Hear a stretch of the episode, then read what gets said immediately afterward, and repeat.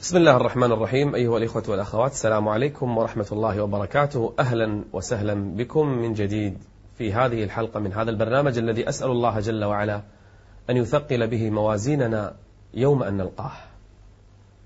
هذه الحياة التي نعيش فيها هل يظن الواحد منا أنها ستدوم له؟ ضحكاته هل يتصور أنها لن تتعكر؟ نعيمه الذي يعيش فيه أولاده زوجته بيته سيارته صحته كلامه مشيه. كل النعم التي يراها من حوله. هل يظن العبد منا أنها ستدوم ولن تنقص؟ بل لن يزول بعضها أصلا. من ظن هذا الظن فهو مسكين. لا يعرف هذه الحياة. جبلت على كدر وأنت تظنها خلوا من الأقذاء والأكدار. من ظن أن هذه النعم ستدوم فهو لا يدري كيف اتصلت إليه. لأنها لو دامت لغيرك ما اتصلت إليك. لكل شيء إذا ما تم نقصان فلا يغر بطيب العيش إنسان. هي الأيام كما شاهدتها دول من سره زمن ساءته أزمان. ابن عباس رضي الله عنهما كان في سفر. فجاءه النبأ. يا عبد الله يا ابن عباس. قال ما الخبر؟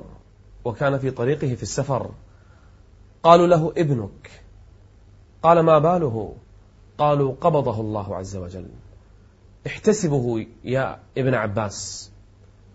فما قال ولا زاد إلا أن قال إنا لله وإنا إليه راجعون.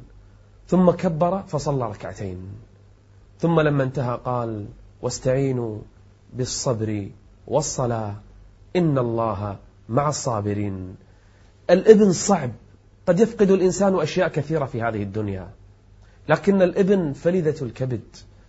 من فقد ابنه كأنه فقد الدنيا بأجمعها. العادة أن الأب والأم يموتون قبل الأبناء لكن قليل ونادرا ما يموت الأبناء قبل الآباء والأمهات.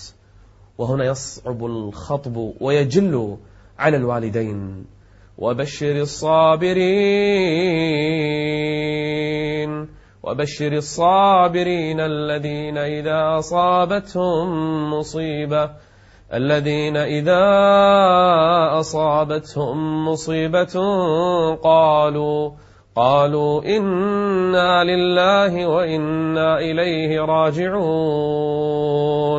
مات ابن لامرأة في عهد النبي صلى الله عليه وسلم فجلست عند قبره تبكي عليه بكاء شديدا وترفع صوتها فمر عن عليها النبي صلى الله عليه وسلم فقال يا أمة الله اتق الله واصبري.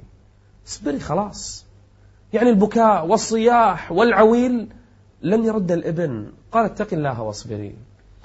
من شدة هول الصدمة ما درت أن هذا الرسول. قالت إليك عني. إنك لم تصب بمصيبتي. فذهب النبي ودخل بيته. قالوا لها ماذا قلت؟ أتعلمين من هذا؟ قالت من؟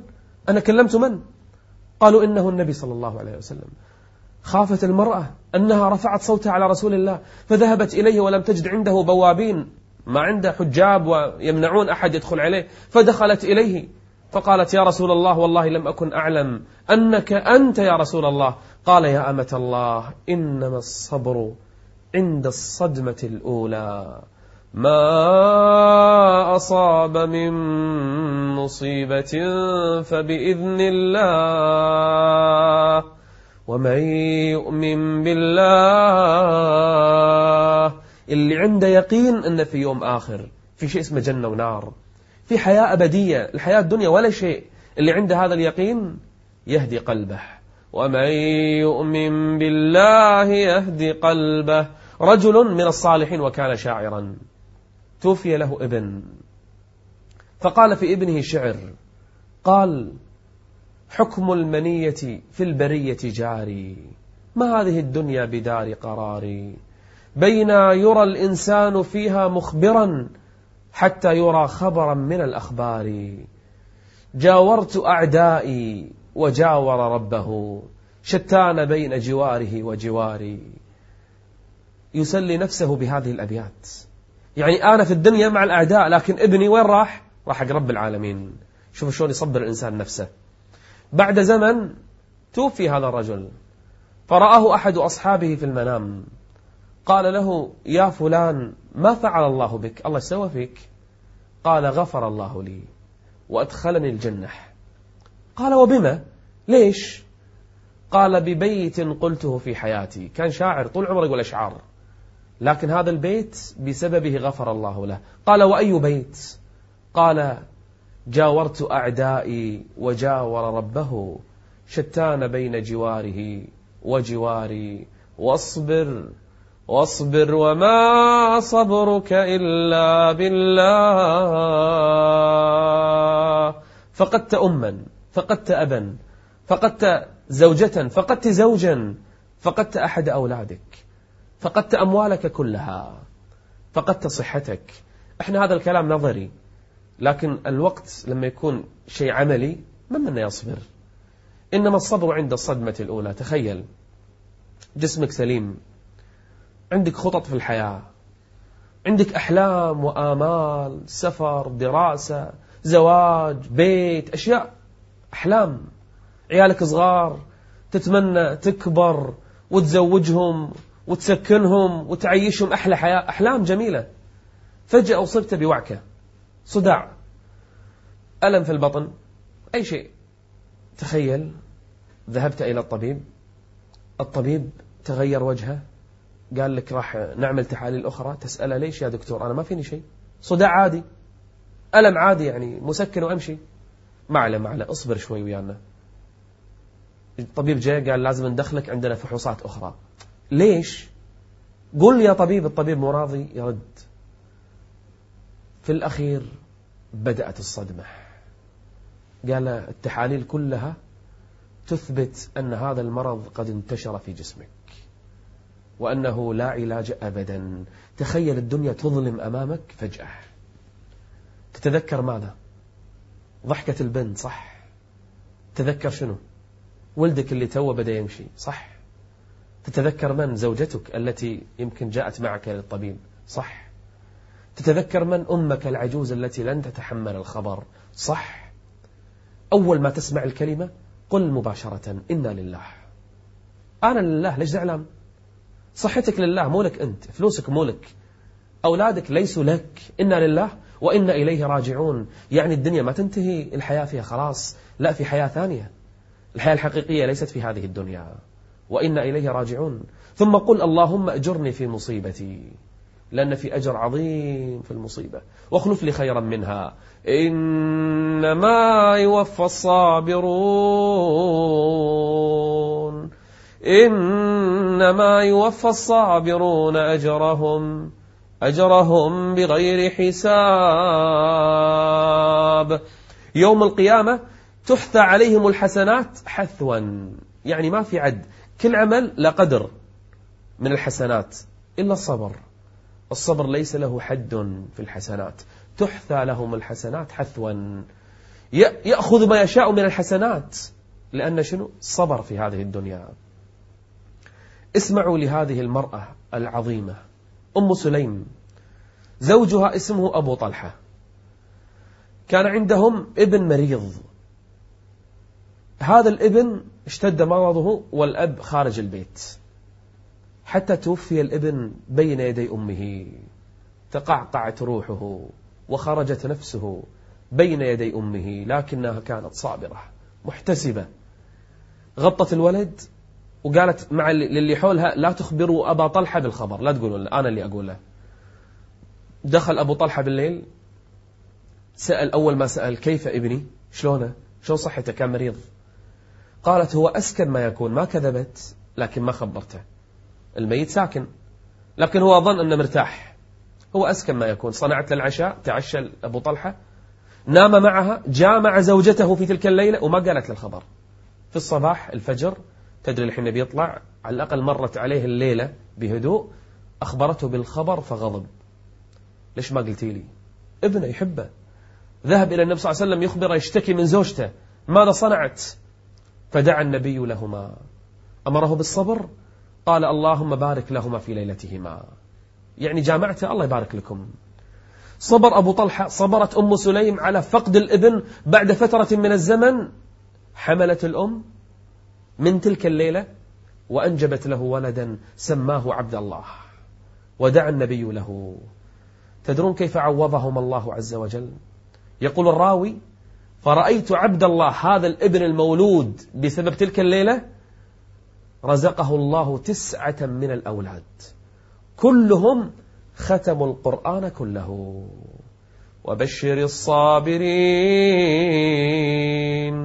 وبشر الصابرين الذين إذا أصابتهم مصيبة قالوا إنا لله وإنا إليه راجعون.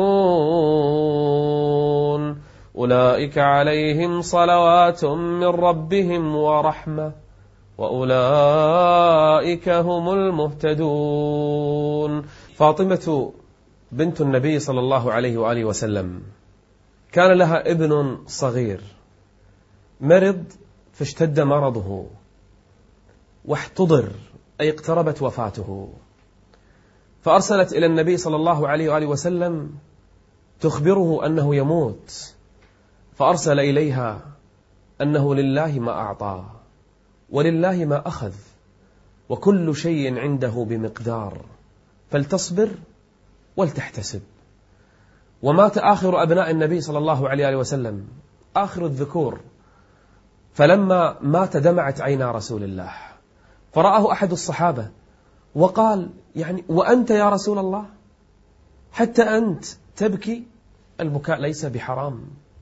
وليس عيبا أن يبكي الإنسان على ابن فقده أو أما أو أبا أو زوجة أو شيئا من الدنيا خسرة. ليس عيبا أن يبكي. لكن المصيبة في رفع الصوت والجزع والسخط بل ورد أمر الله جل وعلا وهي كارثة الكوارث. لما توفي ابن النبي صلى الله عليه وسلم سأل واحد الصحابة قال وأنت يا رسول الله؟ قال إن القلب ليحزن وإن العين لتدمع وإنا لفراقك يا إبراهيم لمحزونون وإنا لله وإنا إليه راجعون. بل إذا توفي صفي الإنسان يعني حبيبه من هذه الدنيا. ثم صبر عوضه الله عز وجل به جنة عرضها السماوات والأرض. وأخبر النبي صلى الله عليه وسلم عن رجل مرض مرضا شديدا وسقط على الفراش فيأتيه عواده وزواره. كلما جلسوا عنده يقول الحمد لله يذكر الله ويحمده مع أنه مريض ما أشد المرض. لكن ما أعظم الإيمان وما أحلى الصبر. فالله عز وجل يقول النبي صلى الله عليه وسلم يرسل إليه الملائكة وهو أعلم به. يقول ماذا قال عبدي؟ شنو قال بعد ما أصبت بهذا المرض؟ وكلما اشتد إيمان العبد اشتد البلاء. أشد الناس بلاء الأنبياء. ثم الأمثل فالأمثل. قال ماذا قال عبدي؟ قالوا الملائكة تقول والله أعلم به. قالوا يا رب حمدك واسترجع.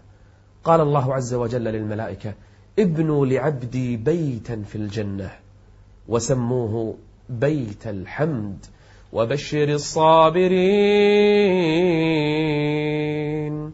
وبشر الصابرين الذين إذا أصابتهم مصيبة قالوا قالوا إنا لله إنا لله وإنا إليه راجعون أولئك عليهم صلوات من ربهم ورحمة وأولئك هم المهتدون عروة بن الزبير أصابه مرض في رجله. أصاب المرض رجله. فقال الطبيب له لا بد من بتر الرجل نقطع رجلك الآكلة خلاص. إما نقطعها أو يستشري المرض في جسمك كله. تخيل لو أمرك الطبيب بهذا. قال لك ستفقد عضوا أو عينا أو جهازا في جسمك أو ستظل مقعدا على الفراش طوال العمر. تصبر ولا ما تصبر؟ صبر عروة وقال للطبيب افعل. قال لابد من خمر تحتسيح لازم تشرب خمر. ما عندهم بنج. حتى لا تشعر بالألم. قال لا والله. لا أدخل في جوفي شيئا من الحرام. قال لن تطيق الألم. قال افعل لكن انتظر. إذا كبرت للصلاة أنا على الفراش راح أصلي.